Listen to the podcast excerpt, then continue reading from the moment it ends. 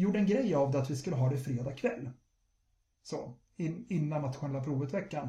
För att vi visste att tar vi det någon annan kväll, en fredag, då kommer eleverna plugga ändå inför nationella provet.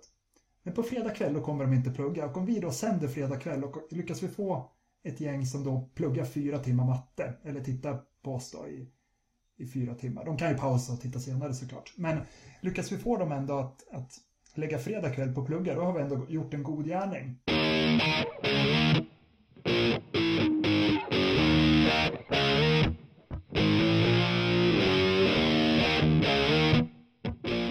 Vi välkomnar alla lyssnare till ett nytt avsnitt av Gränslöst lärande. Idag med stort fokus på liveinspelade pass. Som vanligt är det jag, Niklas Lind och Peter Hjelm. i studion. Varmt välkomna.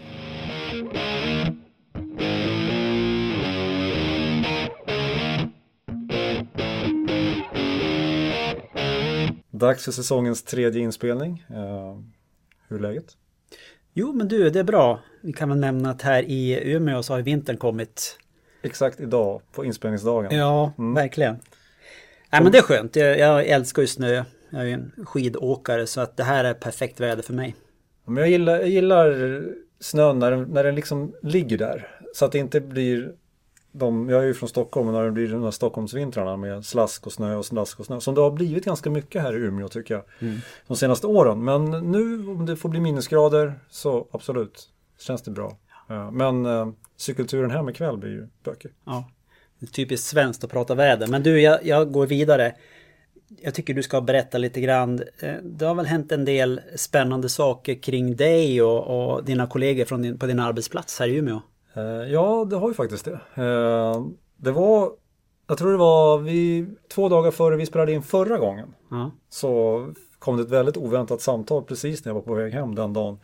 Och det var faktiskt Peter Bäckel och Guldäpplets juryordförande som ringde. Och berättade att de ville ge oss ett hedersomnämnande. Till mig och min chef och eh, fem pedagoger. Men man kan tänka sig som Dragonskolan som helhet ändå liksom kan känna äran utav det. Och det kom ju väldigt oväntat eh, och naturligtvis väldigt, väldigt hedrande och roligt. Eh, Så vi var nere på Guldäpplets dag, där 28 oktober. Eh, Och det var också en erfarenhet och en upplevelse. Jag får ta emot priset och dessutom så har ju de velat köra ett webbinarium med oss i deras forskardialog. Eh, Och det gjorde vi veckan efter höstlovet, så den, den 10, 10 november hade vi ett lunchwebbinarium med delar utav juryn då, där vi fick berätta hur, vad vi gör och hur vi jobbar. Eh, Det finns ju att se då på deras hemsida. Kul. Jätte, jätteroligt verkligen. En annan rolig sak som jag såg, du la ut lite, lite bilder, eller du skickade bilder till mig i alla fall. Vi hade våra kära gäster som har varit med i, i podden tidigare. Ja, exakt. Det var ju också eh, eftersom två utav av de tre finalisterna till Guldäpplet eh, har ju varit våra tidigare gäster. Ja. I Helene Larsson och eh, Ulrika Elisson.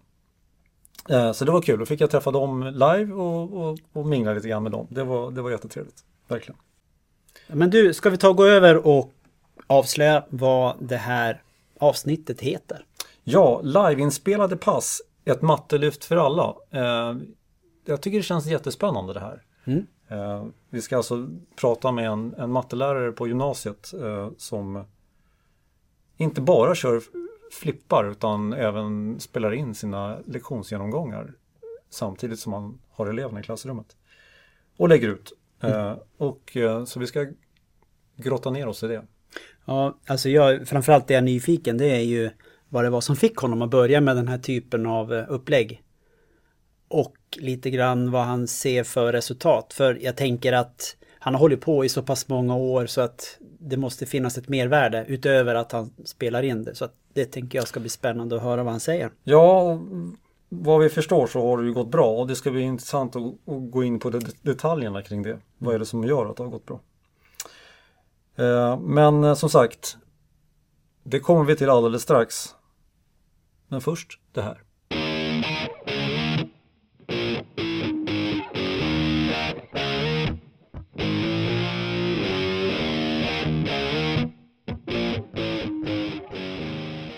Flippad undervisning även benämnt som det inverterade klassrummet eller det omvända klassrummet, är en undervisningsmodell som tog fart i Sverige en bit in på 2000-talet.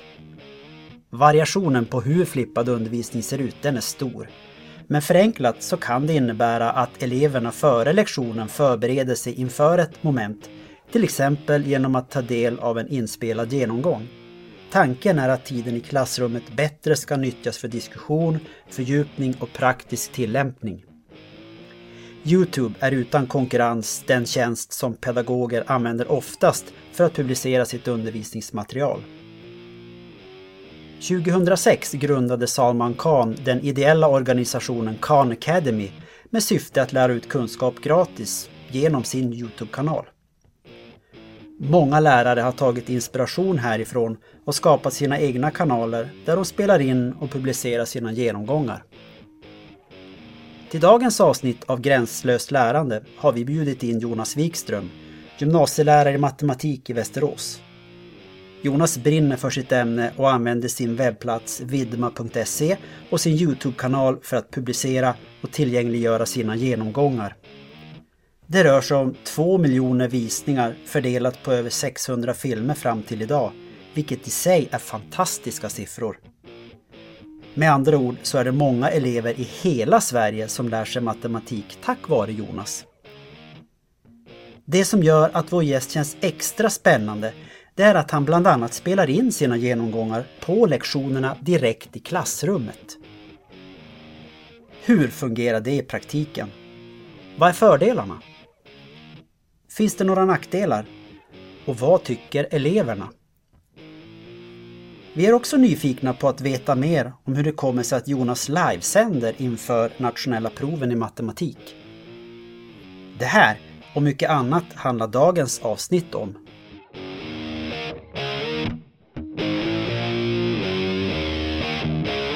Ja Peter, då har vi fått in vår nya gäst i studion för det här avsnittet. Eh, vi eh, hälsar Jonas Wikström, matematiklärare på Grillska gymnasiet i Västerås. Varmt välkommen! Tack så jättemycket. Himla kul att vara här. Ja, vi, vi ser väldigt mycket fram emot eh, eh dagens avsnitt. Det känns spännande.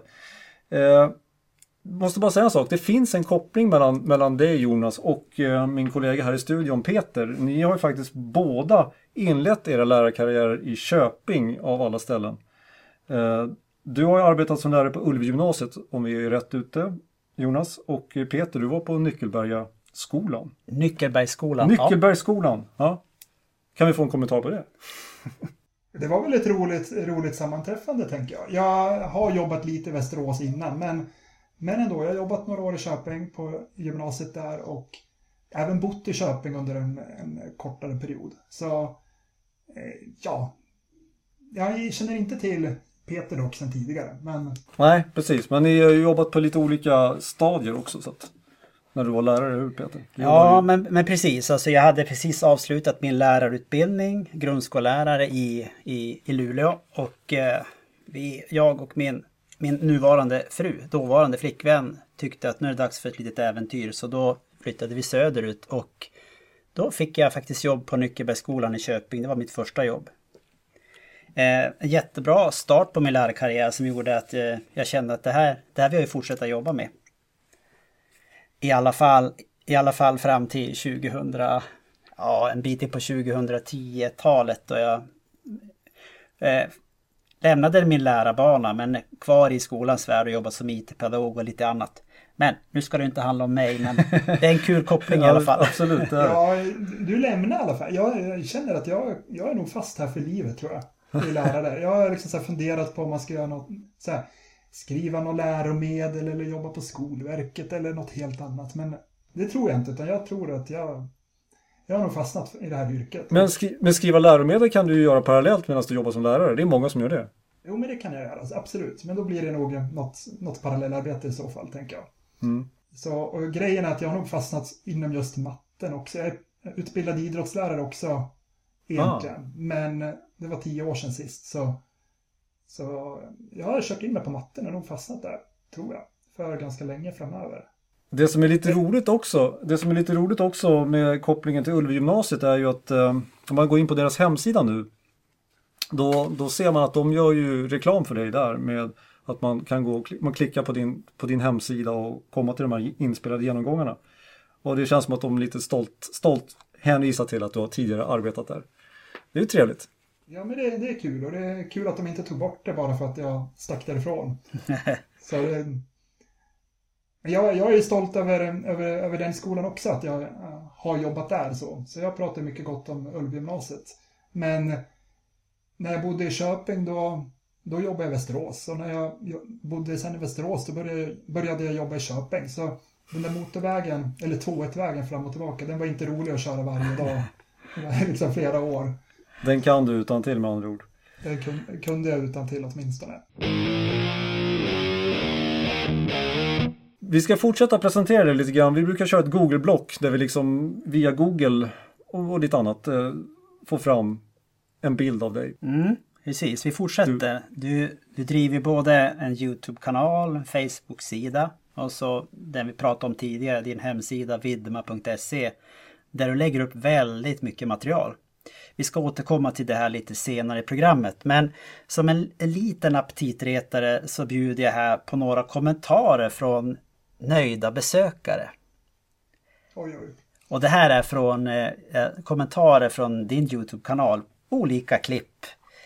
Eh, första citatet. Eh, Dina inlägg är bättre än tv-program. Även om jag gick ut gymnasiets tekniska linje 89 så är det kul att få en uppfriskning. Citat 2. Grymt snygg struktur på dina genomgångar. Citat 3. Lysande. Jag önskar att jag hade haft dig som mattelärare i gymnasiet. Eller det sista. Så bra förklarat. Du förklarar på ett jättebra sätt som är verkligen så enkelt att förstå och hänga med på. Du räddade min dag. Det som är lite kul med de här eh, kommentarerna, du ska snart få komma in och berätta hur du känner inför det här, det är att det här sista citatet som jag läste upp, det var ett klipp Kommentaren var fyra månader gammal. Men filmklippet, det gjorde du 2017. Så alltså att det är fantastiskt att de här gamla klippen, de lever fortfarande vidare ja, hos nya eh, generationer ungdomar som är intresserade av att lära sig mer kring matematik. Det här var bara ett axplock av alla fina kommentarer. Det är ju det är väldigt roligt och både när ni läser upp kommentarerna och sen var inne och titta på kommentarerna så man, det, det blir ju en stor del av drivkraften att jag gör ju det här till stor del på, jag gör det utanför arbetstid, hela den, lägger upp videos och, och de bitarna administrerar hemsidan. Och just när man får den responsen, bara det är några meningar så, och ofta ganska väldigt fina meningar, så det gör ju att det, det blir väldigt värt att fortsätta med, med det här och man känner att man verkligen kan kan, i mitt lilla så kan jag göra stor skillnad liksom, för, för olika personer. Och det, ofta blir det så att det, jag har ett sånt flöde där jag ser alla kommentarer på min kanal. Så, och det är ju ofta att det kommer kommentarer på fyra fem år gamla klipp som, som jag när jag går in och tittar på klippet tycker att ja, men det där var väl inget vidare. Så ibland. Men, men ändå har det har, eh, har klippet liksom hjälpt elever som faktiskt har känt att ja, men nu, nu hajar jag det här. Och det är, det är givande och det är väldigt, väldigt, väldigt roligt. Så. Ja men härligt. Vi hittade även en annan hemsida som heter Matte på tuben. Kan du berätta något om den? oj, oj, oj, oj, oj. Den, eh, den, eh, den ligger ju kvar. Den är, är död sedan länge, eller så, den uppdateras inte. Det var lite stapplande steg i början när jag inte riktigt visste vad jag ville göra. Jag när jag började som lärare för typ 10-12 år sedan, någonting, så jag var ganska nyfiken på de här människorna som spelade in förklaringar, de satt och spelade in massa, massa filmer vid sidan om och la upp på YouTube och, och verkligen de, de, de lyckades med alltså jag insåg ganska snabbt att de, de eh, kunde vara till väldigt stor hjälp för väldigt många. Och då hade jag ett litet försök där under ett par års tid att de videos som passar bäst in i den här kurserna som jag höll på att undervisa just då, att jag försökte plocka ut de videorna och strukturera upp dem i, eh, i en bra ordning och bra struktur och så på en hemsida. Men det var ju inte så jättekul i längden att strukturera upp andras videos bara. Så den hemsidan levde inte så jättelänge. Eller den lever fortfarande men, men den, eh, den är inte riktigt aktiv kan vi säga. Kanske där fröet såddes till att du själv tog tag i taktpinnen och, och eh, gjorde dina egna inspelningar. Ja, men lite så. Jag experimenterade lite även då med egna inspelningar. Men då var det något separat klipp här och där. Så som jag till mina egna elever egentligen. Just det. Men tittar man på, tittar man på min kanal på YouTube så det går nog säkert att hitta någon, någon äldre kanal i mitt namn också med, med inte fullt lika bra genomgångar tror jag. Som är ja. rätt gamla. Ja, vi, som sagt var, vi ska komma in på kanalen och arbetet kring Vidma lite senare. Men en sak till som jag vill nämna, det var ju att du i 2020 var nominerad till, eh, till Guldäpplet. Ja, det var roligt. Nu är det ju väldigt många som blir nominerade så, såklart. Eh, jag vet inte riktigt vad som, vad som gäller där. Men, men att någon har tagit sig tid att faktiskt skriva motivering och skicka in mitt namn och, och så, det är ju det är hedrande på något sätt. Det, det känns ju, kändes ju väldigt roligt. Så. Ja, det förstår det var, jag. Det var, det var jag stolt över ändå. Det måste jag säga. Det tycker jag du ska vara. Du, vi har också hittat... Är det så, Niklas, du har, du har vunnit något pris där? Ja, det stämmer faktiskt att eh, jag och några till på Dragonskolan där jag jobbar eh, i nu här bara för någon månad sedan fick eh, hedersomnämnande från Guldäpplet. Det var... Det är stort. Ja, det är stort. Det var, och det var ja, väldigt hedrande som sagt och eh, man, man får mycket positiv energi. Ja, grattis. Tack så jättemycket. Avsluta Google-blocket så tror vi oss ha hittat ett gammalt klipp från P4 Västmanland 2007 där en överraskad Jonas Wikström precis har vunnit distriktsmästerskapen i nattorientering. Kan det stämma? Oj. Eh, ja, det kan stämma att jag vunnit, vunnit DM. Så, nattorientering i Västmanland är det brukar inte vara så många deltagare med på den.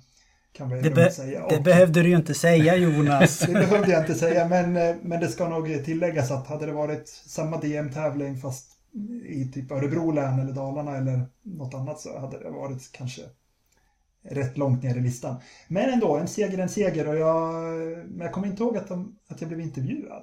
Det var både faktiskt en, eh, en artikel kopplad till P4 Västmanland och sen var det ett, ett kort, en kort radiointervju där som fanns att klicka på. Det kan du faktiskt googla på upp, upp själv där. Eh, men, men du är orienterare alltså? Eh. Jag är orienterare men ingen, ingen satsning så utan jag periodvis tränar jag mer och periodvis tränar jag ingenting. Okej, okay, men du håller fortfarande igång på något sätt då inom orienteringen eller? Ja, men det, jo men det gör jag. Och i förrgår eller tre dagar sedan då blev övertalad att åka Vätternrundan igen, eller anmäla mig till Vätternrundan igen och Nattvasan står på programmet om några månader. Ja. Jag känner mig helt otränad just nu inför det, men jag har gjort det, ja, Vasaloppet några gånger tidigare så jag ska nog ta mig runt, men det blir jobbigare och jobbigare ju mer otränad man blir. Och ju, äldre, och ju äldre man blir också. Om man, om man inte, ja, precis. Men du, bara kort, kortis kopplat till orienteringarna. Hur, hur, hur, eh, hur viktigt är det med goda mattekunskaper när, när man håller på att orientera? Ingenting tror jag. Så det är nog, jag har ingen, alltså det är, folk frågar mig ofta så här, du som orienterare, har man, du har väl bra lokalsinne, frågar de. Och jag säger att jag har jätte, jättedåligt lokalsinne. Jag har fruktansvärt dåligt lokalsinne. När jag, Erikslund shoppingcenter är ett stort shoppingcenter här, här i Västerås, eller här utanför Västerås. Och går jag in i en affär där och sen går jag ut i den här stora gatan. Jag har ingen aning om åt vilket håll jag ska gå när jag kommer ut från den affären. Fast jag nyss gick in där. Utan jag får titta så här, åt vilket håll ligger Ikea och åt vilket håll ligger Citygross. Ungefär för att orientera mig. Du tar fram men kompassen däremot, då kanske? Mm. Ja, men precis. Däremot får man en karta och kunna jämföra med verkligheten. Det blir en helt annan grej. För då blir det på något sätt att göra någon... Det är lite logiskt tänkande ändå. Att få ihop en karta med verkligheten. Så det... Det är lite logik så, naturligtvis. Eh, kanske inte så mycket andra grads ekvationer Nej. i den. Nej, förmodligen inte. Uh, ja, men vad kul. Uh, då fick vi med den grejen också. Uh, ja, för övrigt på den så just själva mattebiten, att bara räkna. Den hör, alltså jag kom in på den lite grann sen med, med logiskt tänkande. Att bara sitta och räkna, bara sitta och göra samma grej om och om igen, det är fruktansvärt tråkigt bara så att det som jag fascineras över över mitt ämne och det intresset liksom, det är just mycket problemlösning, komma på nya sam, alltså sambandssammanhang i det här, lära mig hur, hur det funkar liksom. Lösa knepiga uppgifter som jag kanske inte har löst tidigare. Ehm, det kan ju påminna om orientering.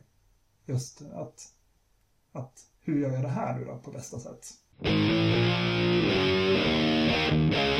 Eh, om vi ska gå in på själva huvudblocket nu eh, så, så är vi naturligtvis nyfikna. Du har varit inne lite grann och nosat på det här när vi har pratat här nu. Eh, men hur startade alltihop kring det här med att du valde att ta steget ut och börja filma genomgångar och allt annat?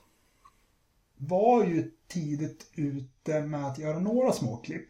Sådär, spela in någon, någon eh, video om hur man eh, adderar bråktal och lite, lite sådana här små, små klipp och experimentera sånt. Eh, så.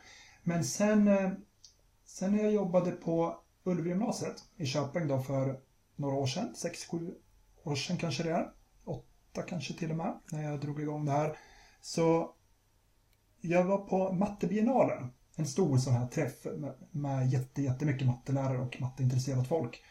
Och sen gick jag förbi en sån här monter med dokumentkameror. Med Hovercam var det som då hade sin monter utställd. Så fick man liksom testa där i montern och jag gick ju förbi där första dagen och jag bara, sjutton det här, det här är, är ju någonting. Inte för att använda den här dokumentkameran för att filma ner på pappret utan vända den mot tavlan och med ett enda enkelt klick kunna låsa fokus på tavlan så att det blev skarpt liksom, även om jag gick för där och framför så att fokus ändå låg på tavlan. Och väldigt smidigt med att liksom vicka den här lilla kameran upp och ner och, och sådär. Och så bara, det där vill jag ha. Jag gick och suktade i den där montern flera, flera gånger första dagen och flera gånger andra dagen. Och sen gick jag hem till skolan och sen snackade jag till mig att jag skulle få köpa en sån där kamera i alla fall, som jag kunde få ha. Så du fick en sån. Och använde den väl ett par gånger för att spela in sådana här separata klipp liksom. Igen, vid sidan om lektionen.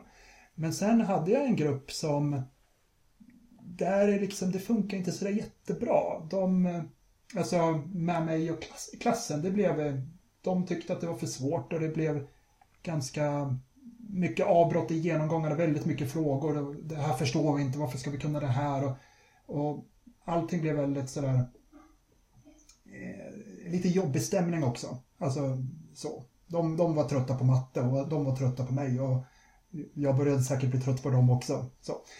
Och jag kände att jag behöver göra någonting, någon, någon skillnad i det här. Jag, jag kan liksom inte bara köra på. Så från ena dagen till nästa så tog jag den här kameran och sen satte upp den och sen bara, nu filmar vi den här genomgången. Och då kan ni i lugn och ro titta själva efteråt om ni tyckte att det var svårt. Men vi spar frågorna. Vi tar inte frågorna under själva genomgången. Jag pausar mitt i så vi kan ta några frågor där, men annars tar vi frågorna efteråt. Och sen filmar vi in den här genomgången. Och ni som tyckte att det var svårt, ni får titta igen sen eller fråga efteråt. Liksom. Och det som hände var ju att genomgången, genomgångarna som hade varit innan, de hade varit väldigt dåliga. För de, de, det, blev, det var väldigt mycket, just i den klassen, väldigt mycket avbrott i de här genomgångarna. Och inte bara frågor, utan det, det var liksom så här, varför ska vi kunna det här? Och mycket sådana diskussioner, sidospår. Men plötsligt fick jag, fick jag några genomgångar på rad som typ var väldigt bra tyckte jag. Jag kunde pausa mitt i för frågor. Jag kunde låta dem ställa frågor efteråt. Och genomgången istället för att det var 30 minuter med väldigt mycket avbrott i den här genomgången så plötsligt fick jag den ner den till en kvart. Ganska effektiv. Jag fick ändå, ändå med mig mer vettiga saker än vad jag annars hade fått på de här 30 minuterna. Och då tänkte jag, det här kanske funkar jättebra i den här klassen, men på 17, jag, jag testar. Jag kör det här i de andra grupperna också. Så typ en vecka senare så körde jag det på i alla mina grupper. Och eh, blev helt såld. Jag tyckte det passade, passade mig ganska bra. Jätteläskigt i början. Det här med att man spelar in sig själv. Liksom. De första genomgångarna, man, eh, man står ju lite som att man har en stor publik. Även om jag visste att det här är bara mina elever som kommer titta på det här. Typ, ingen annan kommer väl söka upp det här på YouTube. Så. Men eh, men de första gångerna är det jätteläskigt framför, framför, framför kameran. Helt fruktansvärt läskigt faktiskt.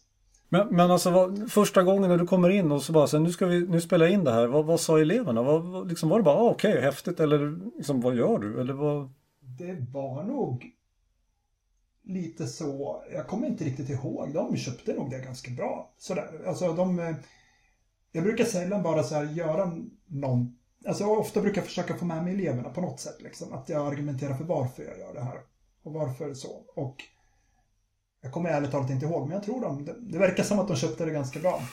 Ja, det måste ha varit så.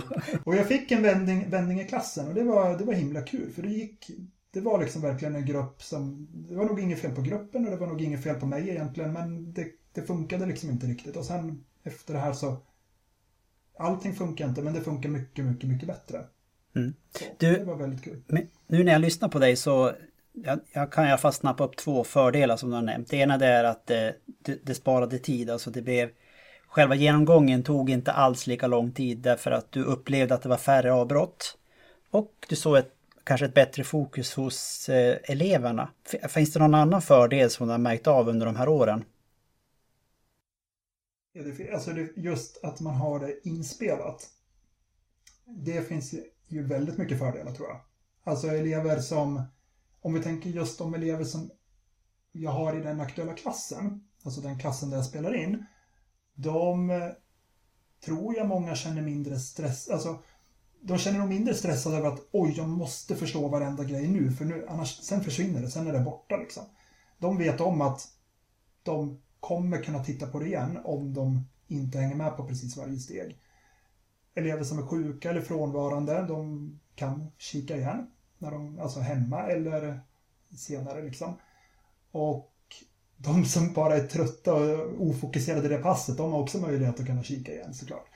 Så mycket, mycket den biten och framför allt en grej som jag har tänkt på som som eh, jag ganska snabbt fastnade för när jag började filma det här, det var ju att om jag nu håller massa genomgångar på jättemånga lektioner och sen Sen får jag till några av de här genomgångarna jättebra. Alltså, jag fick med mig en hel klass nu på någonting svårt som, och klasserna brukar inte förstå den här grejen. Men nu fick jag med mig, på, med mig dem verkligen. Att det är så onödigt om, om det bara försvinner ut i liksom ingenstans. De förstod det där och då men tre veckor senare har de glömt det och då tjänar det inte så mycket till att jag säger så här, kommer ni ihåg den där jättebra genomgången för tre veckor sedan som var om, om det här? Utan lite så här att de eh, bra grejerna som man gör och de som blir extra bra, att, att de liksom inte bara försvinner ut ingenstans utan att de, de finns kvar. Och skickar man då upp dem på YouTube så de har väldigt smart gallringsfunktion. De genomgångar som blir bra, de fortsätter folk att titta lite mer på och de hamnar högre upp i listan. Och de genomgångar som blir helt åt skogen, som säkert är en hel del, de de är det ändå ingen som tittar på för de hamnar ju långt ner i den här listan av alla sökningar. Men hur gör du, eh, alltså om, om du ska, nu höll du en jättebra genomgång om, om en sak eh, som du lägger ut. Eh, hur gör du nästa gång du, du håller den genomgången? Eh, filmar du den också för att den kan ju bli ännu bättre eller struntar du i att filma den? Nej, jag har i princip filmat alla genomgångar och har gjort det sedan 2017 när jag drog igång det här nästan alla genomgångar i nästan alla grupper eh, som jag haft. Har jag någon sån här liten specialgrupp med, bara några få elever, så här fyra, fem stycken som man kan ha ibland. Då tycker jag att den här interaktionen är så pass viktig så då, vill jag inte förstöra det genom att sätta på en kamera eh, och filma in det. Men eh, nästan alla sådana här riktiga genomgångar sen 2017 har jag nog faktiskt spelat in. Men du Jonas, Jonas, kan, kan det inte vara så att eh, i och med att de spelas in så blir även du lite mer fokuserad? Eh, alltså det blir den där lilla extra kryddan som gör att man levererar lite bättre. Ja, jo, men det tror jag. Alltså man blir väldigt, man vet ju att att det spelas in, man, framförallt nu också när, när det har blivit en ganska populär kanal så vet man ju att, att det är ju folk som kommer titta på det här. Och man vill ju helst inte göra bort sig allt för mycket så man blir ju taggad. Men ofta kan jag gå in och titta på gamla videos inom samma, alltså genomgångar som jag höll inom samma område förra året och året innan. Bara titta vad tog jag för exempeltal då. Det sparar mycket tid för mig att kunna bara eh, titta tillbaka på dem. Inte titta på hela genomgången, men titta på korta snuttar eller titta på vad jag skrev på tavlan. Och det gör ju att jag påminns om vilka uppgifter jag tog förra året, året innan. Jag kan kommer ihåg på något sätt vilka av det här funkar bra, vilka funkade inte bra. Och det underlättar väldigt mycket för mig då när jag ska planera en lektion, eller en genomgång. Jag kan ju om jag vill kopiera förra årets genomgång rakt av direkt. Och, fast det vill jag ju inte oftast, utan oftast kommer man ihåg att den där tredje uppgiften förra året, den gick åt skogen. Så vi kan ta den där istället. Liksom. Men du, finns det några nackdelar då? Nu har vi lyft fram flera positiva eh, alltså komponenter som du har märkt i det här sättet att eh, lägga upp undervisningen. Det finns absolut nackdelar. Och den riktigt stora nackdelen det är nog att Alltså just interaktionen med eleverna. Det var ju den som jag på något sätt ville ha bort den här första gången jag provade i klassen. Då, ville, då var det för mycket interaktion med eleverna som hackades under genomgången egentligen. Men lite sån interaktion tror jag är jättenödvändig. Att man har och att man ser till att eleverna följer med i genomgången och att man på något sätt kan under genomgångens gång kolla upp att de hänger med. Så, och få in lite respons från eleverna. Och har man då en kamera som sitter mitt i klassrummet och som filmar mig så eleverna är inte så jättepigga på att ställa frågor under genomgången. Och jag är inte så pigg på att de ska ställa frågor då heller, alltså givetvis. Så att jag måste hålla på att redigera klippet efteråt. Det slipper jag gärna. Så att hitta någon metod där man kan få interaktion med eleverna fast inte precis just när man spelar in. Den är ju den svåra grejen, tror jag. För den här interaktionen med eleverna och se att eleverna följer med genomgången och verkligen verk, verkar vara med. Och även kunna skicka ut lite frågor till eleverna. Den, den måste man försöka få till, men, men inte just när man har kameran igång. För elevernas röster ska ju inte höras i inspelningen. Så det här att ha något program, något inspelningsprogram där man kan pausa utan att det blir ett nytt klipp. För blir det nya klipp då måste man lägga tid på att montera ihop de här och det kan ta, ta tid för datorn att bearbeta. Att kunna pausa den genomgången, skicka ut frågor till eleverna. Eh, eller att säga, nu ska vi ta den här uppgiften men vi pausar så får ni räkna den här uppgiften först själva i fem minuter. Och sen kör vi vidare med genomgången. Eller på, no eller på något sätt att hitta så här, hänger ni med? Jag kör ofta med tre fingrar. Så här, hängde ni med på det här? Och så ett, två eller tre fingrar säger jag till eleverna och visar upp mina fingrar. Och då vet de att ett finger, det betyder att nej, nej, nej, det här var riktigt, riktigt svårt. Eller det här var svårt liksom. Och två fingrar, när de håller upp det, då betyder det, ja men någorlunda hänger med. Och tre fingrar, ja, hänger med helt och hållet och det här känns ganska lätt. Så. Och den feedbacken, den kan man få alltså mitt under en genomgång flera gånger från eleverna. Den tar, det tar ju fem sekunder att få som lärare. Oavsett om man har en kamera igång eller inte så alla eleverna kan blixtsnabbt ge mig feedback på hur de känner just nu under en genomgång. Och genom att bara räcka upp handen. Och inga elever hinner titta så mycket på hur många fingrar alla andra elever räcker upp handen. För det går ju så snabbt att bara räcka upp några fingrar. Jag hinner registrera ganska snabbt vilka elever som hade svårt, vilka elever som hade det lätt. Och jag har fått använda mig en del av sådana trick liksom. Och det är, det är ganska bra tror jag, för då kan ju jag direkt i avsluta genomgången, då, då har jag ju sett de här fingrarna som jag väldigt ofta kör. Då kan jag gå fram till de elever som, som jag hann se visade ett finger att, och kolla lite extra hur, vad var det som var svårt och sådär. Men då får jag göra det efter själva genomgången. Vi har ju inför den här, intervjun så har vi Peter suttit och kikat på en, en hel del olika av de här genomgångarna för att få en känsla och en bild av, av hur, hur det är. Och så sent som i, i, i förmiddag satt jag och kollade på en genomgång. Alltså jag, jag slogs verkligen återigen av att, att det känns som att jag är en av eleverna i klassrummet för det blir så på något sätt den här intima, härliga känslan, närhetskänslan blir ju liksom. Först funderade jag på, är, är, är, är det tomt i klassrummet? Kör du den här liksom bara utan att det är tomt? Men, men det var elever i klassrummet för att jag hörde sen att det var några faktiskt som ställde frågor och då lät, då lät det rulla. Vilket bara gjorde att jag kände mig som en av eleverna. Det var, tyckte jag var jättebra. Eh, men om man drar det då liksom ytterligare som ett, en, det här med GDPR och allting sånt. Har du, hur har du tacklat den biten? Den är ju svår. Eh, så. Den, jag, jag försöker att aldrig någonsin ha en elev i bild till att börja med. Den, kommer en elev som kommer sent in och, och dörren är så att de, liksom, de måste gå förbi, förbi tavlan för att ta sig in i klassrummet, då, då klipper jag bort det varje gång. Om jag inte hinner trycka på den här pausknappen så att jag kan pausa, pausa låta dem gå in och sen, sen köra vidare. Eh, ljudet är ju svårare, för på något sätt, eleverna ställer ju lite frågor under genomgången. Och i början hade jag en vanlig, eller jag, jag har växlat inspelningsmetoder väldigt mycket. Från dokumentkamera till webbkameror av olika slag. Systemkamera har jag kört en del. Nu är jag tillbaka på webbkamera sen i, idag, igår.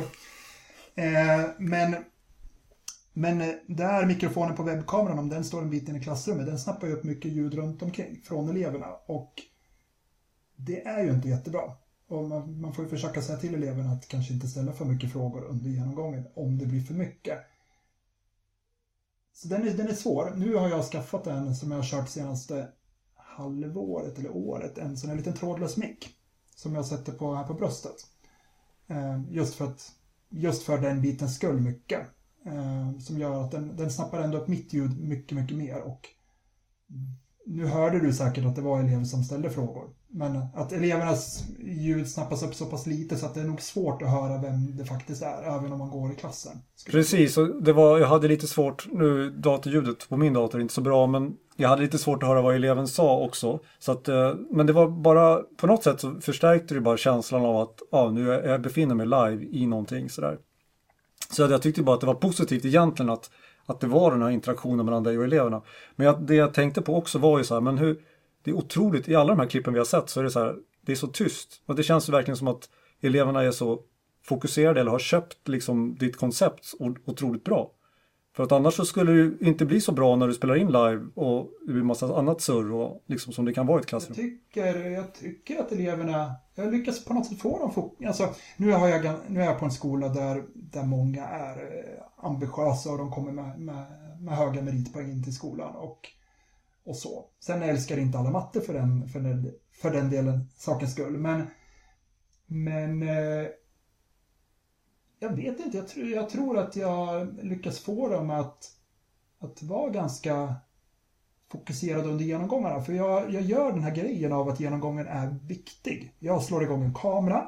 Jag eh, pillar lite med datorn några korta sekunder så att ljudet och bilden blir bra. Jag väntar tills det är helt tyst i klassrummet innan jag drar igång den här genomgången. Jag gör verkligen en grej av att, så här, okay, nu är det genomgång.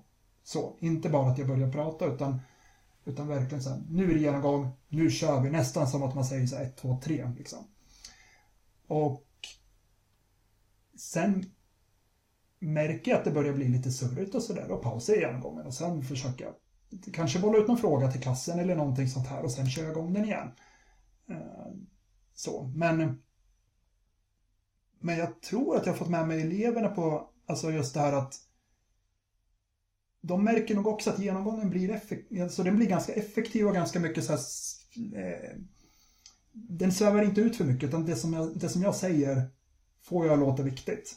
Och då tror jag att de ändå känner att men det här är ändå viktiga grejer och de, eh, de allra flesta är fokuserade. Jag försöker se till så att de inte har dator, dator och telefon. Det är helt förbjudet att sitta och, och snapchatta på genom, mina genomgångar. Då känns det som att, det ytterligare, att du har funnit ytterligare en, en positiv eh, grej utav det här. Med det du sa just nu. Mm. Och sen är jag mycket så här, det här distansundervisningen, jag är ju ganska digital av mig och ganska teknisk. Och tyckte att det är jättekul tekniskt att sitta och experimentera med virtuella greenscreen och grejer och paddor och sånt. Men det, jag tyckte det var fruktansvärt tråkigt och man tappar hela den här liksom interaktionen med kroppsspråket. Som, eh, som är och, och, och fånga, alltså jag vill absolut inte vara den här tråkiga läraren som låter lite dyster så här och, och berättar långsamt hur man gör steg för steg. Utan jag, jag vill elda på eleverna och få, få, få igång eleverna och liksom så här Är ni med mig nu? Är ni med mig? Och verkligen så här gestikulera. Nu syns, syns inte det för för er då kanske. Men, men, eh, men driva på eleverna och få igång dem och liksom så här. Man, man vågar ju nästan spela lite teater också ibland. Eh, så. Jag hade någon genomgång för någon vecka sedan där jag plötsligt gick, gick över till engelska. Jag är värdelös på engelska, men, men under två minuters tid. Bara för att här, eleverna börjar se lite trötta ut. Nu gör vi någonting annat, bara för att de ska vakna till lite grann. Eh, så jag tycker den är väldigt, den är väldigt viktig och den, eh, den tror jag är, är viktig för många lärare att tänka på. Att man så här, vis, visar man att man själv är engagerad och, och, och, och intresserad och nyfiken liksom, så tror jag att man kan få med sig fler elever än om man bara står och matar ut info. Typ. Håller med full, helt och fullt. Eh, har du upplevt att det har varit några elever som har kommit in i klassrummet och känt sig lite obekväma med att du ska filma och sådär?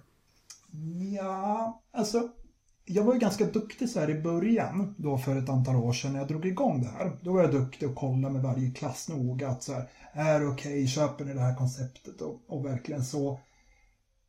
Sen har jag nog mer och mer glömt av det tror jag. Jag tror att jag har, alltså så här, senaste klassen nu när jag hade en klass i matte 1 och berättade jag mest att så här gör jag. Eh, jag filmar genomgångarna. De visste ju om det, många av dem sedan tidigare, för de hade hört lite rykten om det.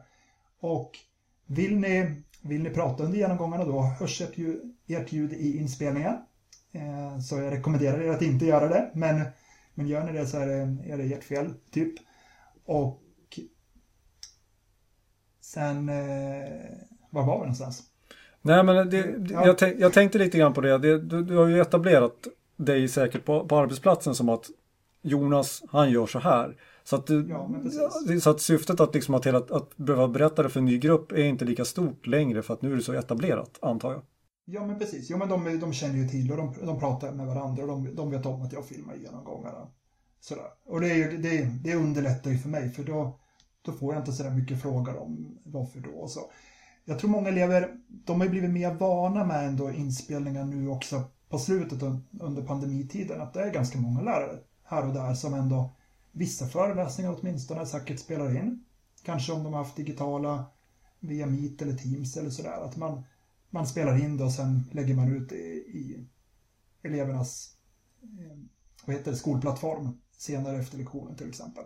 Precis, och sen är ju... Att, ja.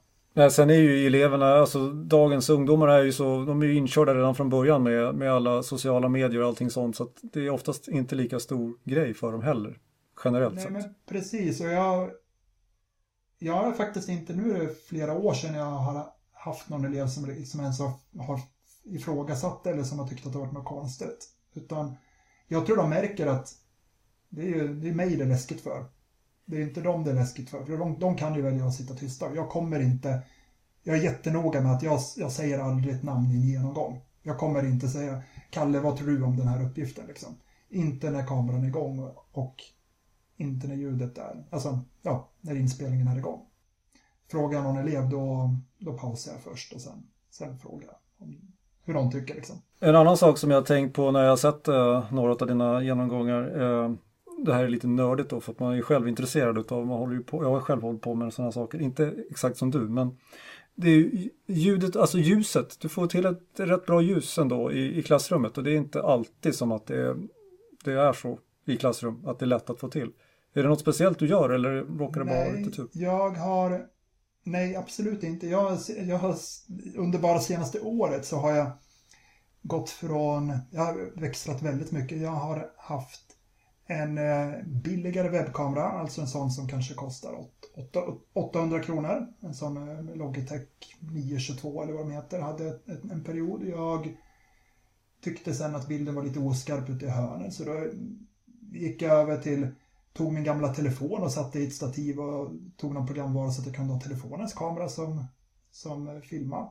Sen blev jag inte riktigt nöjd med den så då, då tog jag min gamla systemkamera som jag eh, hade en grej så att jag kunde koppla in den i datorn och den gav ju jättebra bild. Men det tog ju, alltså jag körde med den fram tills för några dagar sedan bara. Men att i början av en lektion lägga massa tid på att ställa manuella inställningar i en systemkamera. Det är inte en hit om man, om man ska ta sig mellan olika lektioner. För då, då tappar man värdefull tid och bara säga hej till elever och prata med dem och hur är läget och, och sådana bitar.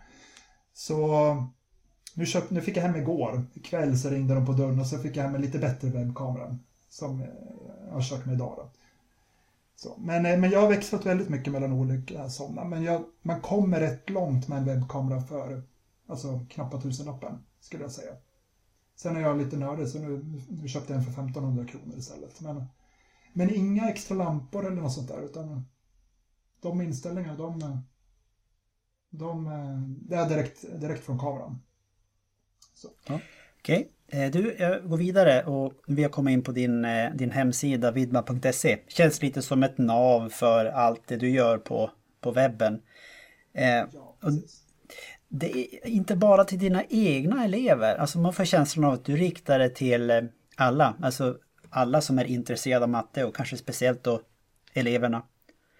Eh, vad fick dig att ta det här steget? Det var nog... Alltså så här... Om jag håller en genomgång som jag är nöjd med så... Jag har nog mycket... Alltså just, just den känslan av att, att den inte ska försvinna ut i luften. Den som jag pratade om för en stund sedan. Att, att den ska finnas kvar och kunna hjälpa mina elever senare. Den, den var ju väldigt stark. Men lite samma känsla att om, om den genomgången kan hjälpa andra. Och jag vet att matte är ju ett sånt ämne som kanske många runt om i Sverige har problem med.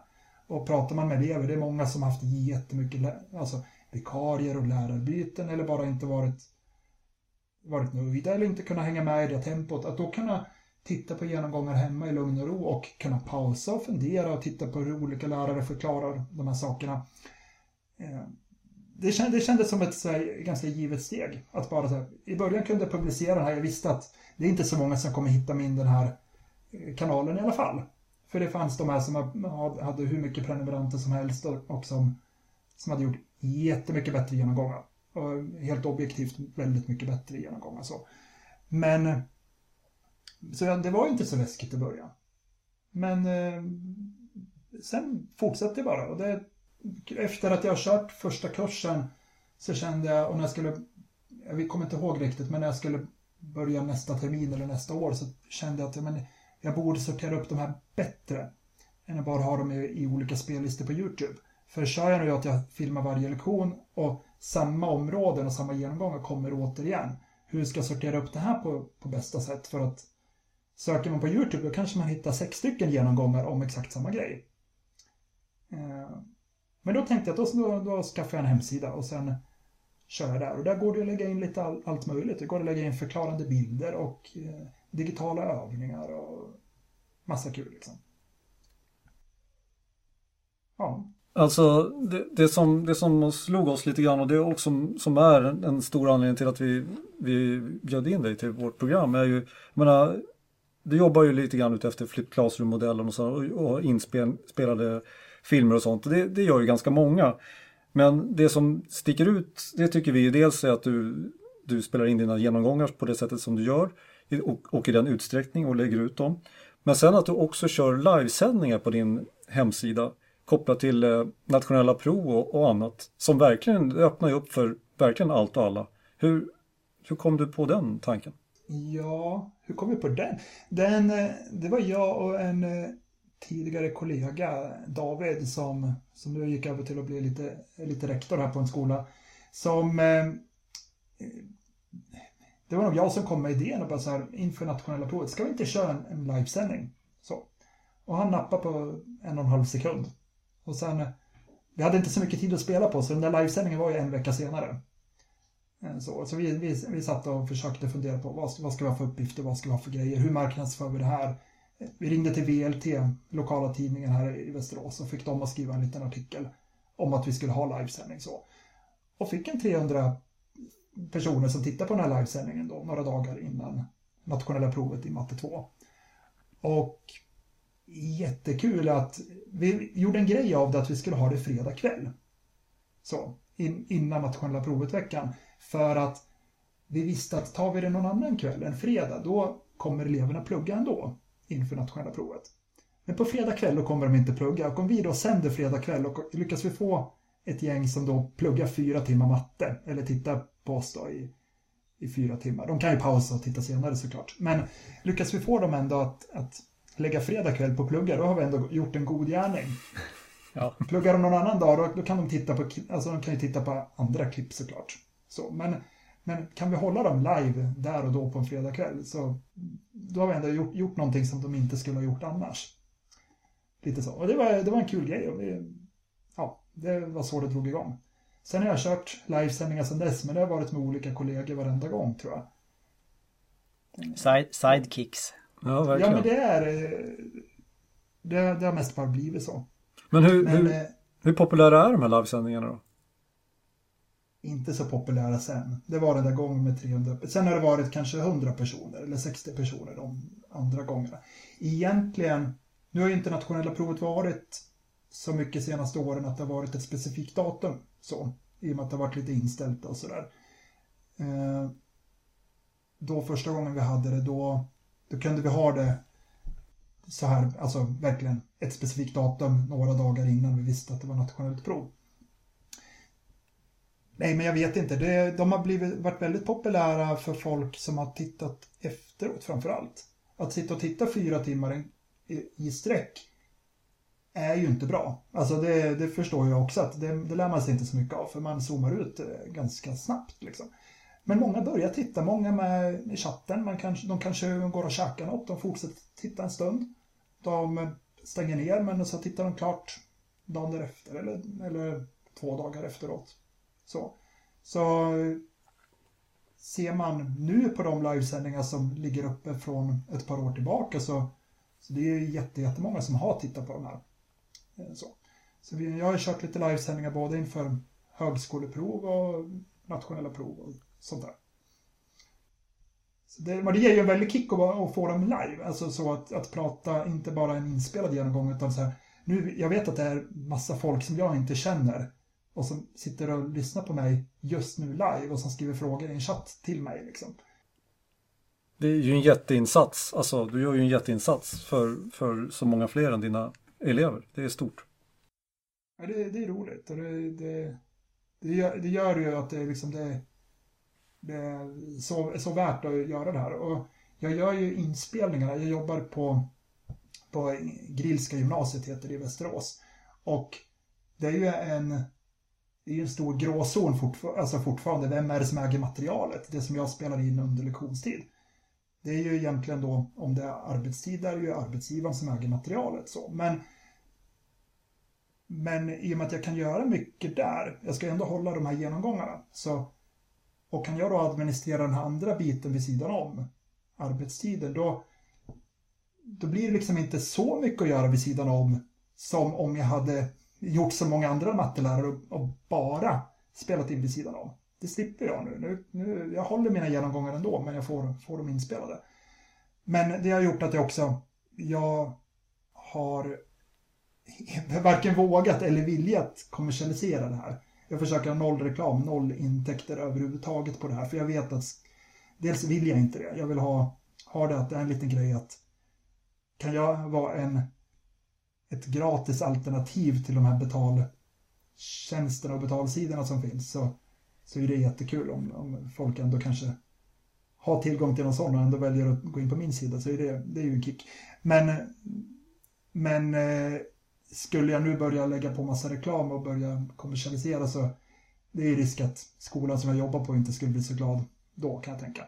Ingen aning. Det var faktiskt också en annan sak som vi tänkte lyfta upp eh, som en av frågorna här. Det är ju precis det du säger. Du bidrar ju till den här delarkulturen men förväntar dig ingenting tillbaka utan det, det är tillgängligt öppet för alla. I tider som faktiskt när, när många andra lärare börjar välja att ta betalt för egengjort material eh, så kör du den här stilen och det tycker jag, det tycker jag är värt att lyfta på hatten på, verkligen. Ja, men det, är, det är roligt, men, men som sagt jag får ju det jag får ju väldigt mycket gratis av att jag kan göra inspelningarna när jag ändå har lektioner. Jag har ändå förberett en genomgång. Jag, har, jag står där inför klassen. Jag kan få, få det mycket mer inlevelse i de genomgångarna än, om jag ställer mig i ett tomt klassrum. Ja. Eller i, i, här i det här lilla rummet som jag sitter i nu liksom och ska hålla en genomgång. Så det, jag tycker på något sätt att det blir både bättre och, och jag ska ändå göra det. Jag ska ändå ha, ha de här genomgångarna. Ja. Du, jag har, jag har fortfarande inte riktigt släppt det här, eller vi, det här teknikspåret. Vi ska... Vi ska några, ner oss lite några till saker här. Nu har vi pratat kameror och vi har, vi har pratat lite grann hur du gör när du filmar in. Men vad använder du sen när du redigerar ihop det här? Är det något speciellt program som du kör med eller? Jag försöker, alltså jag ser lite grann som att varje genomgång som jag måste redigera, den är lite misslyckad. Så, eller så under, alltså om jag håller ett gäng genomgångar under en vecka och varje gång jag måste redigera den här genomgången, då ska min, min eh, inte alltför snabba jobbdator stå och tänka 40 minuter för att rendera det här klippet efteråt. Och först ska jag klippa bort grejer och så. Här. Inte 40 minuter, men den ska, den ska tänka en bra stund. Och den tiden försöker jag att in, inte behöva ha. Jag, jag försöker pausa när jag, när jag vill skicka ut frågor till eleverna. Jag försöker stänga av inspelningen innan de börjar härja fritt i klassrummet efter genomgångens slut och så vidare.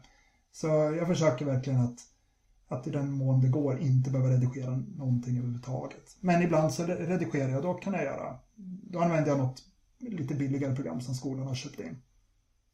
Det låter lite som att du kör live to tape som det heter. Ja, lite så. Och det är väl lite så kanske man måste lägga sig för annars så skapar man sig själv ytterligare en, en arbetsuppgift som tar tid.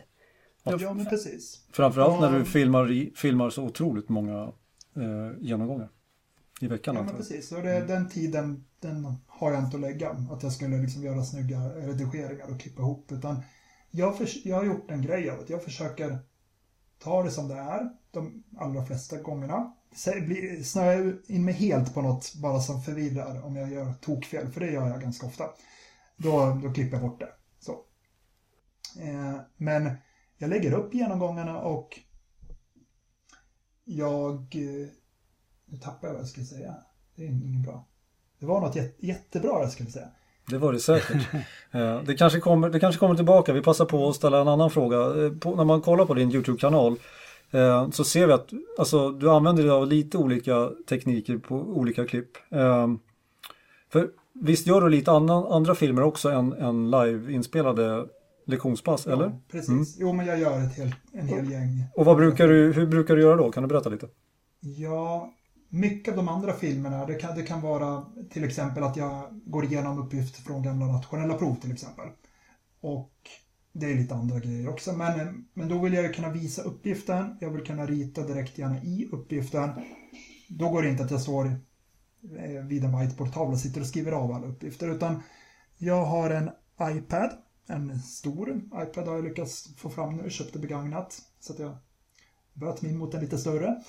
Och kör ett program som heter Explain Everything i det här. Det finns olika versioner av det där programmet.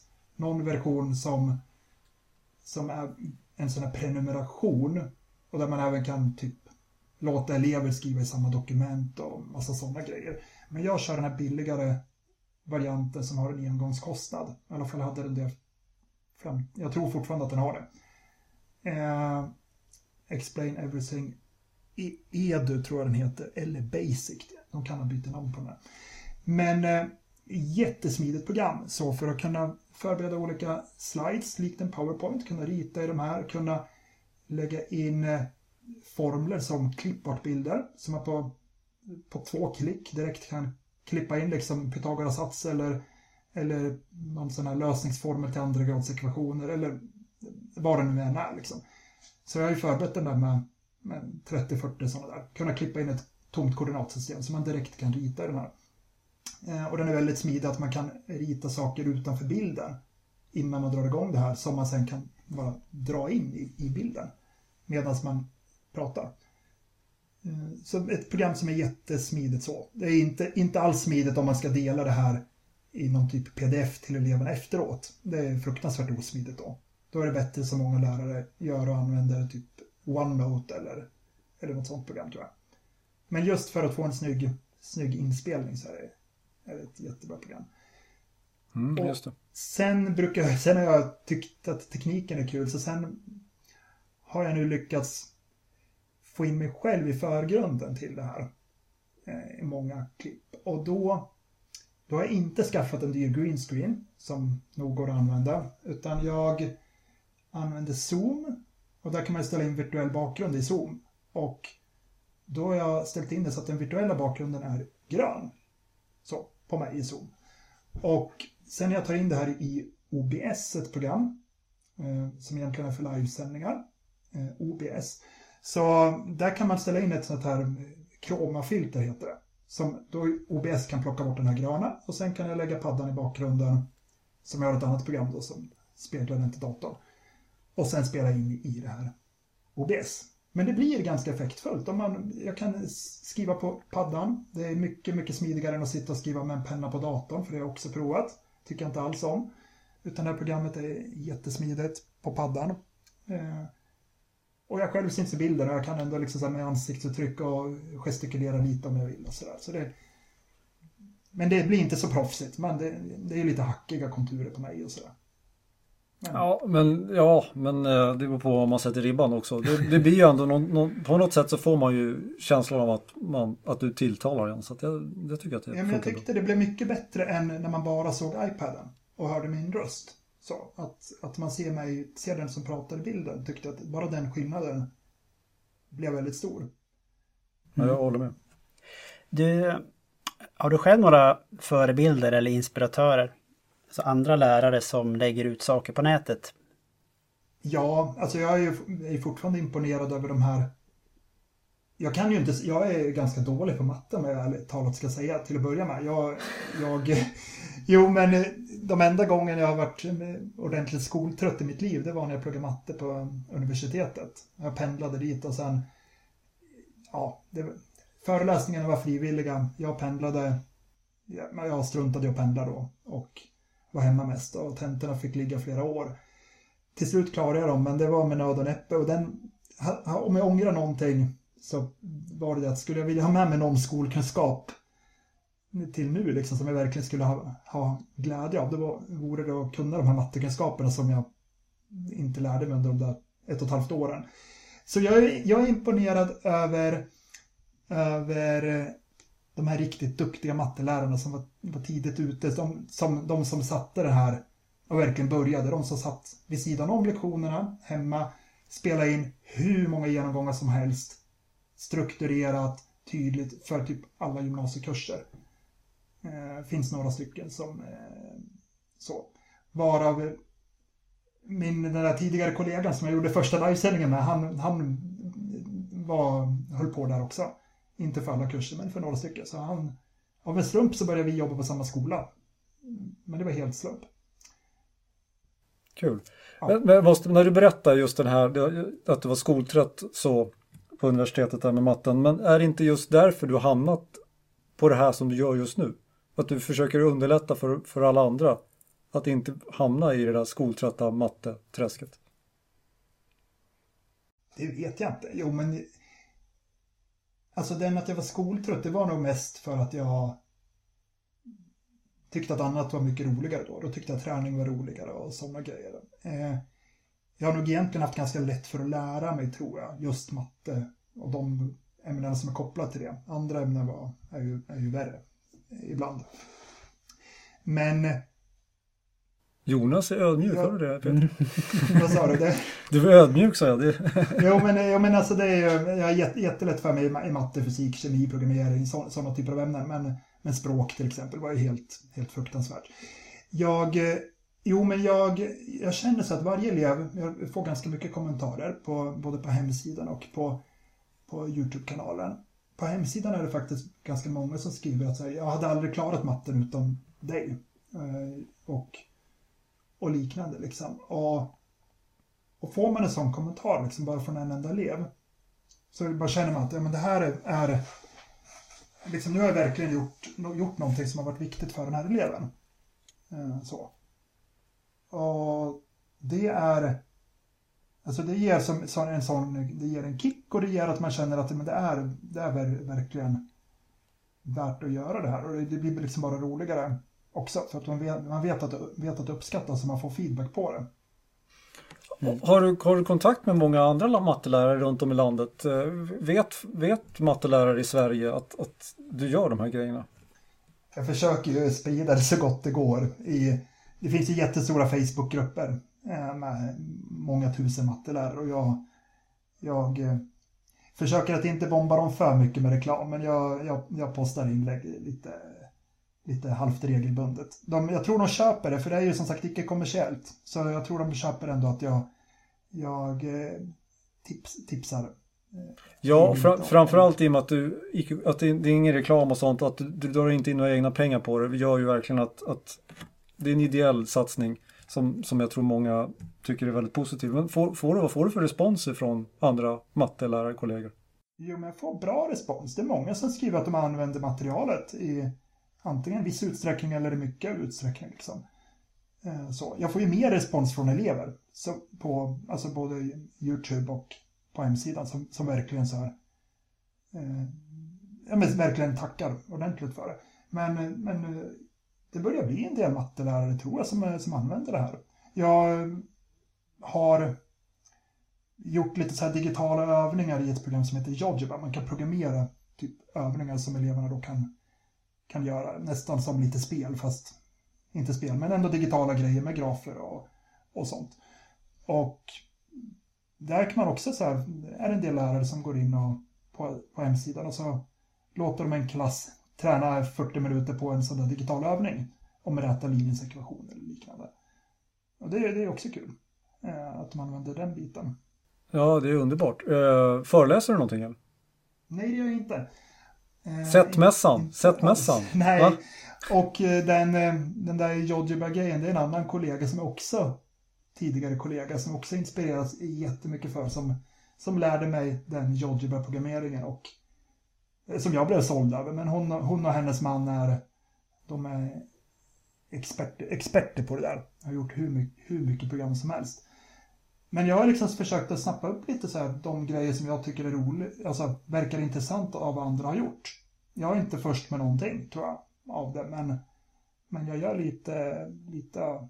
Du har dragit vissa saker... Du har dragit vissa saker till din spets i alla fall, som jag tycker det här med inspelade genomgångar, liveinspelade genomgångar, eh, livesändningar inför NP och lite sådana här saker. Och, all, och hela banken som finns på din hemsida är ju fantastisk.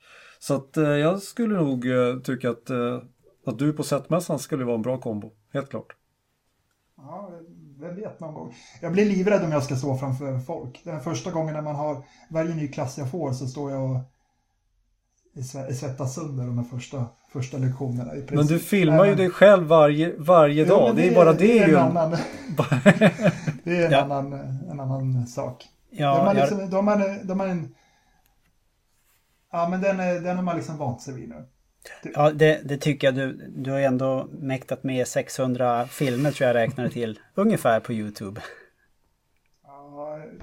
Tror jag räknar lågt då faktiskt. Men, men jag, kanske, det, jag har kanske inte hittat alla, det kan ju vara det. Dålig, dålig googling där. Men du, eh, på vilket sätt tänker du att det här, ditt sätt att arbeta, på vilket sätt har det utvecklat dig som mattelärare? Jag i och med att jag vet att mina elever såklart i klassrummet kommer att lyssna. Jag vill, ju, jag vill ju verkligen att det ska gå bra för dem. Det är inte bara att jag gör det här för dem runt om i Sverige. Men, utan jag, jag vill ju såklart göra en bra genomgång. Men, men den här extra grejen att jag vet att andra också kommer att titta och det kommer finnas kvar. Den gör ju att jag, jag är ju taggad. Jag är ju taggad för, för att varje genomgång blir som ett litet så performance på något sätt.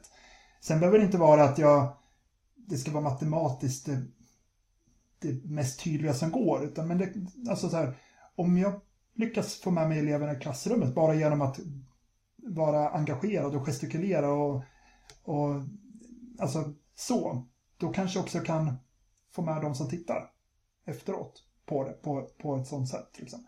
Jag tittar på en, en mattelärare, i, jag har ingen aning om vart den är ifrån, Eddie Wu heter han.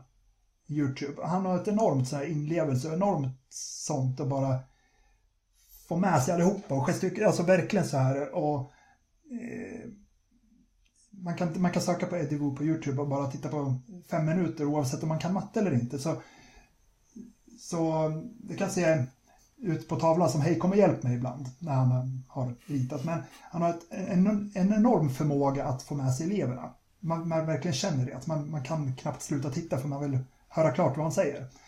Och där någonstans så känner jag att det är en väldigt, väldigt viktig del och, och alltså en viktig bit att ta med sig att just det här att, att visa intresse. Få, få, få, alltså visa att man själv tycker att det är kul och få, fånga eleverna och så.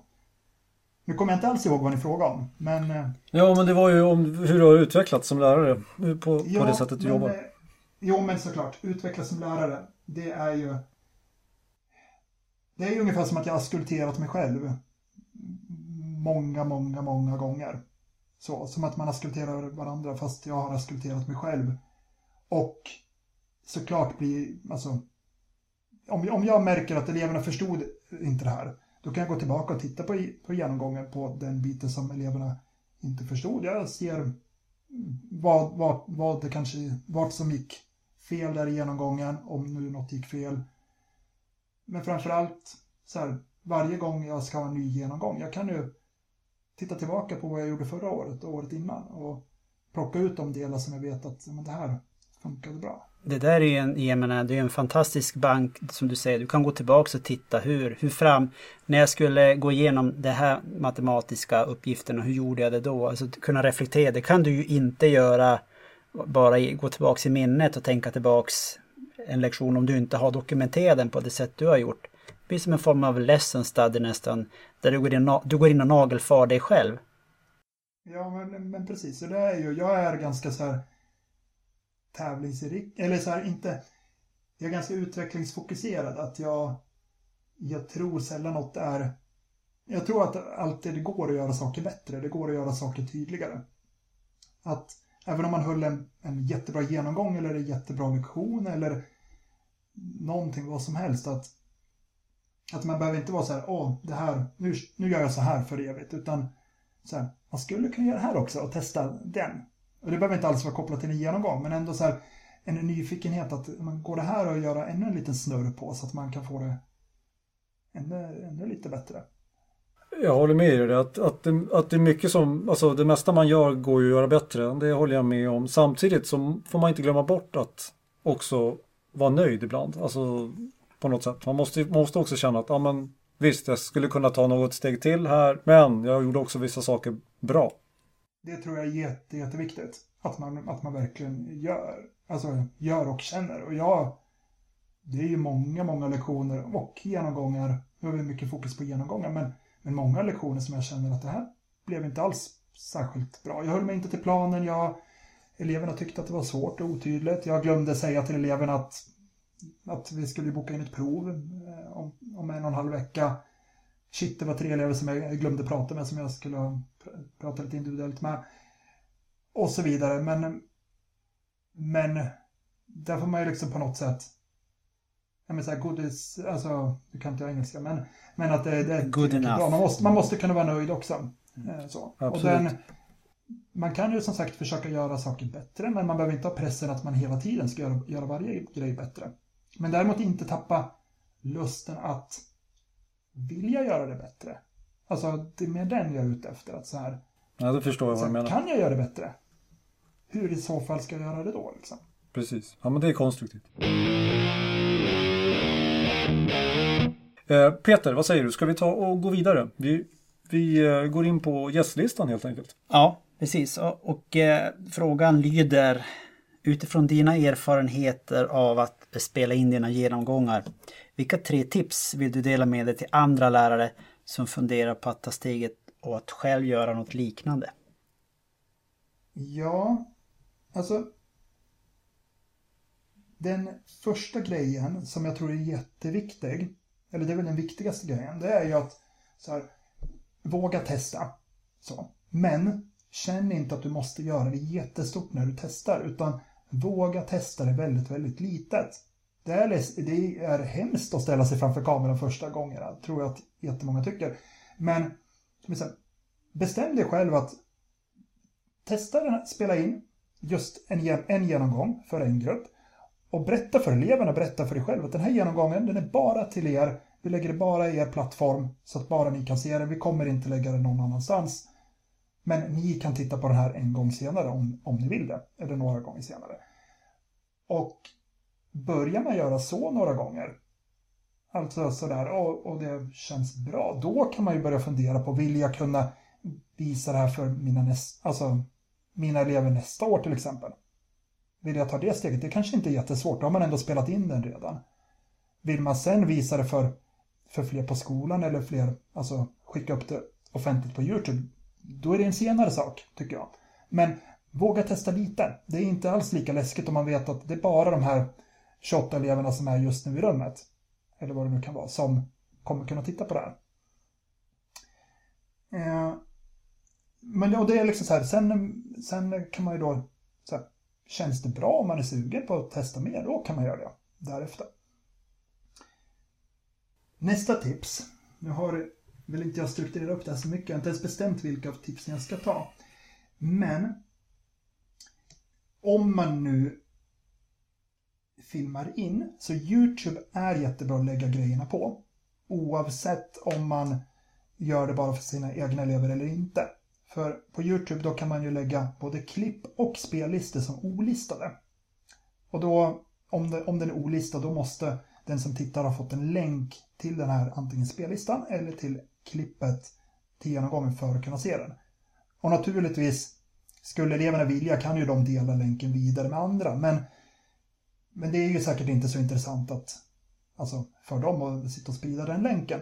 Så lägger man ändå de här genomgångarna på YouTube och väljer dem, att de är olistade, då, då är det typ bara ens egen elever som kommer titta på dem i alla fall. Och där kan man då med fördel eh, göra en spellista för varje grupp. Så att filma in för grejer för tre, fyra grupper, då kan man ju lägga dem i sina spellistor.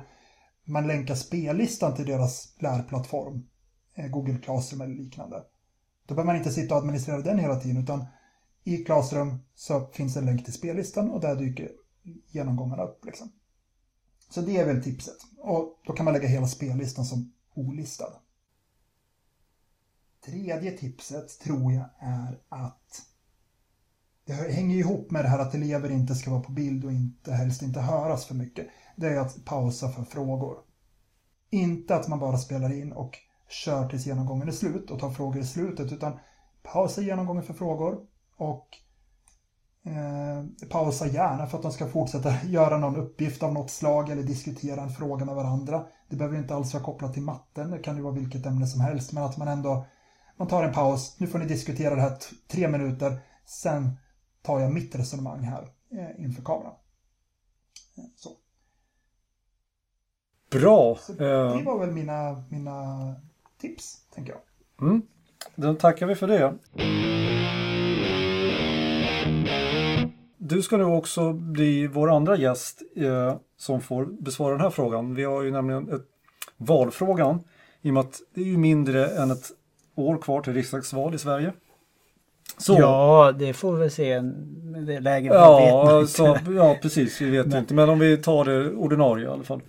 Eh, vilken skolpolitisk fråga vill du se lyfts fram inför valet?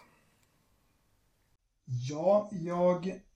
Nu är jag mattelärare. Jag vet inte om vi tycker olika jämfört med många andra lärare. Det är jag osäker på. Men jag är väldigt besviken på det här beslutet som togs för några år sedan om att nationella proven ska vara frivilliga för rektorerna att bestämma över. Att de är inte helt frivilliga, men det är ju vissa regler att eh, hur det nu är att det är endast sista obligatoriska kursen, det är bara det nationella provet som är obligatoriskt. Visst är det väl något sånt? Det, ja, men det ligger någonting i det. Mm. Nå, någonting, någonting liknande. Jag är lite osäker, men, men att i alla fall rektorer har möjlighet att välja bort ett eller flera av de här nationella proven. Och jag tycker det är jättesynd. För det nationella proven är viktigt för likvärdigheten, en likvärdig bedömning. Eh, så jag tror att det är ett jätteviktigt hjälpmedel för att, för att det verkligen ska, ska bli likvärdigt och att det inte ska vara så att jag kan börja på den där skolan för att de ger mig jättehöga betyg. Eller, eller liknande. Så jag, jag skulle nog känna att skulle min skola plötsligt säga att men vi skippar nationella proven, då skulle jag byta jobb tror jag. Då skulle jag byta till en annan skola. För det, det spar mig väldigt, väldigt mycket tid också. Att få ett färdigt kursprov istället för att, för att jag ska sitta och göra ett likvärdigt prov själv på min tid. Men jag vet inte om alla svensklärare och engelsklärare och andra lärare håller med mig. Det har jag ingen aning om. Men det är det som är grejen här Jonas, här får du säga precis vad du precis. tycker. ja men precis. Och jag, jag tycker verkligen det. Men du, jag tror vi går vidare till nästa punkt i programmet som heter eh, Önskegästen. Vad har du för förslag på gäst till vårt program? Där hade jag en del funderingar. Jag skulle vilja säga en gäst som jag egentligen inte vet jättemycket om. Han, han eh, bloggade väldigt frekvent. Strax innan jag började vara lite nyfiken på de, alla de här stora mattetankarna och undervisnings, olika sätt att se på undervisning och hela den biten. Men eh, ja, han är tidigare matematiklärare. Så, men eh, gick över till att börja jobba för, på Skolverket för några år sedan och i nationella provgruppen då och främst för matematik. Och nu är han undervisningsråd och det är Johan Falk heter han. Och han är ju, har jag märkt i den här stora matematikgruppen på Facebook att han är han är ju liksom den stora länken mellan Skolverket och oss lärare.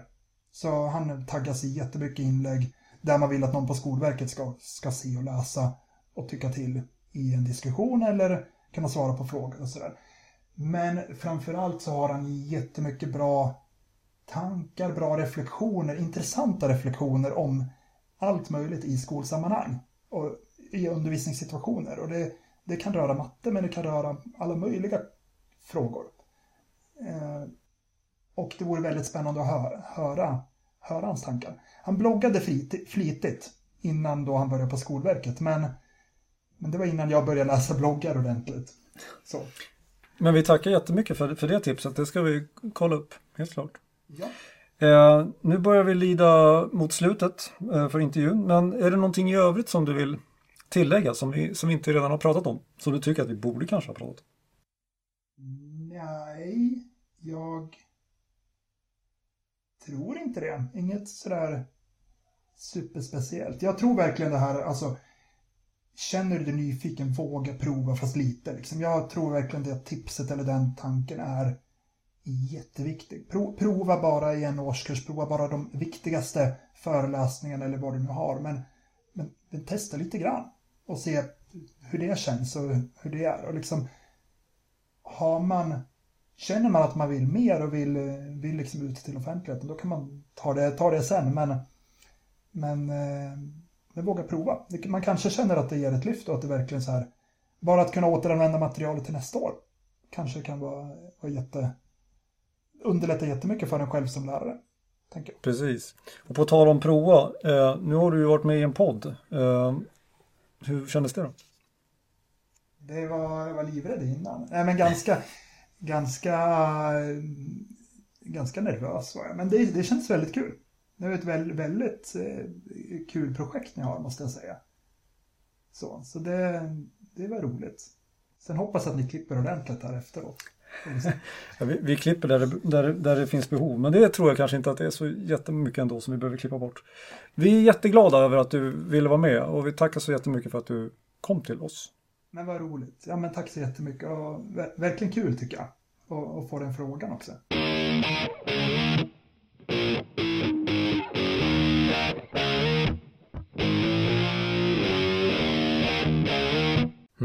Peter, då är vi återigen eh, själva i studion efter vår intervju med eh, Jonas.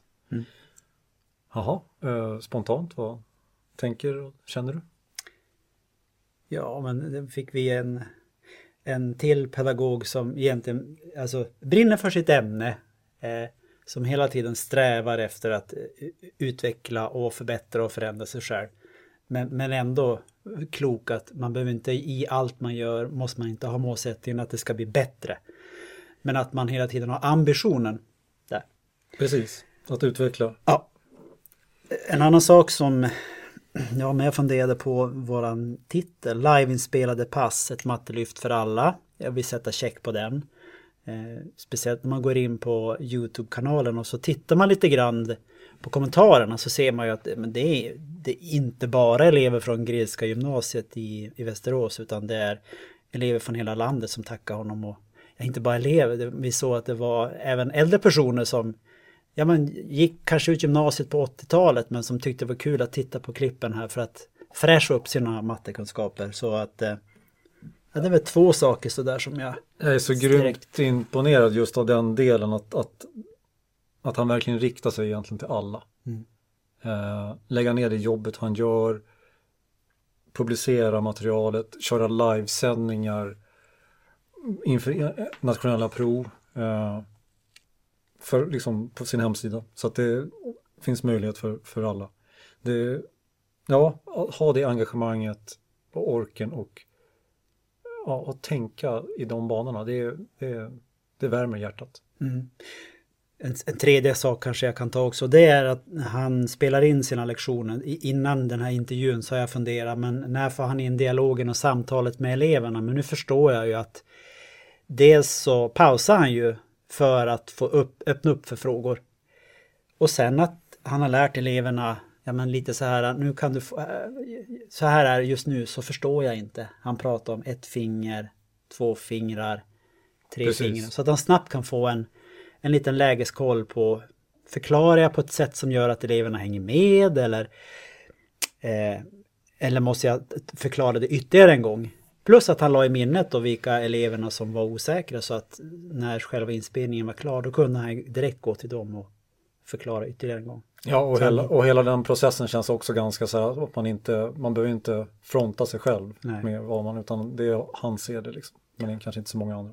Nej, men just att det här är någonting som, som han inte knäckte på en natt utan det har tagit år det här att hitta en bra modell som funkar. Och eh, just att den funkar så bra nu.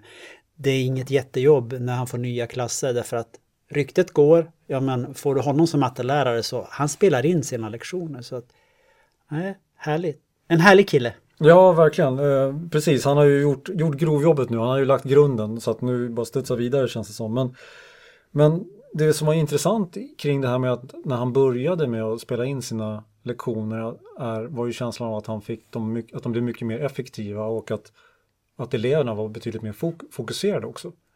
Eh, mycket kanske för att han då satte fram den här kameran och, och nu kommer jag spela in och allt sånt där. Men att det på något sätt blev en, en fokusändring som har gjort att ja, men kortare genomgångar överlag är ju oftast bättre än längre oavsett om de är jättebra eller inte.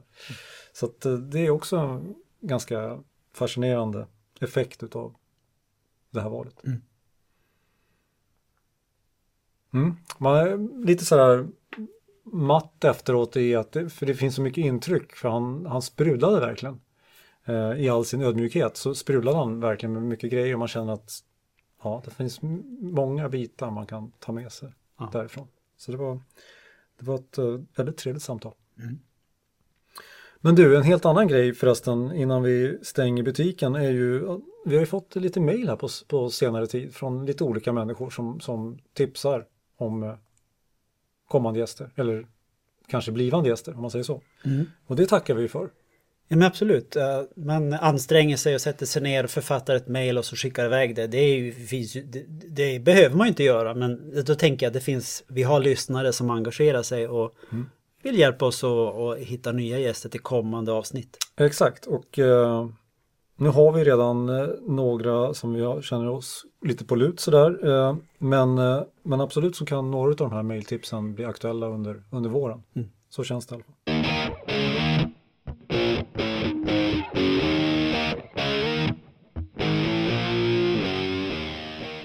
Jaha Peter, eh, det är väl dags att tacka för oss själva nu. Absolut. Mm. Och vi vill naturligtvis återigen säga att följ oss på Instagram, Granslust Larande är vårt Instanamn. Eh, Så missar du ingenting. Och eh, ja, vad tror vi förresten? Ska vi säga det? Vi, december är ju, vi spelar inte in något avsnitt i december.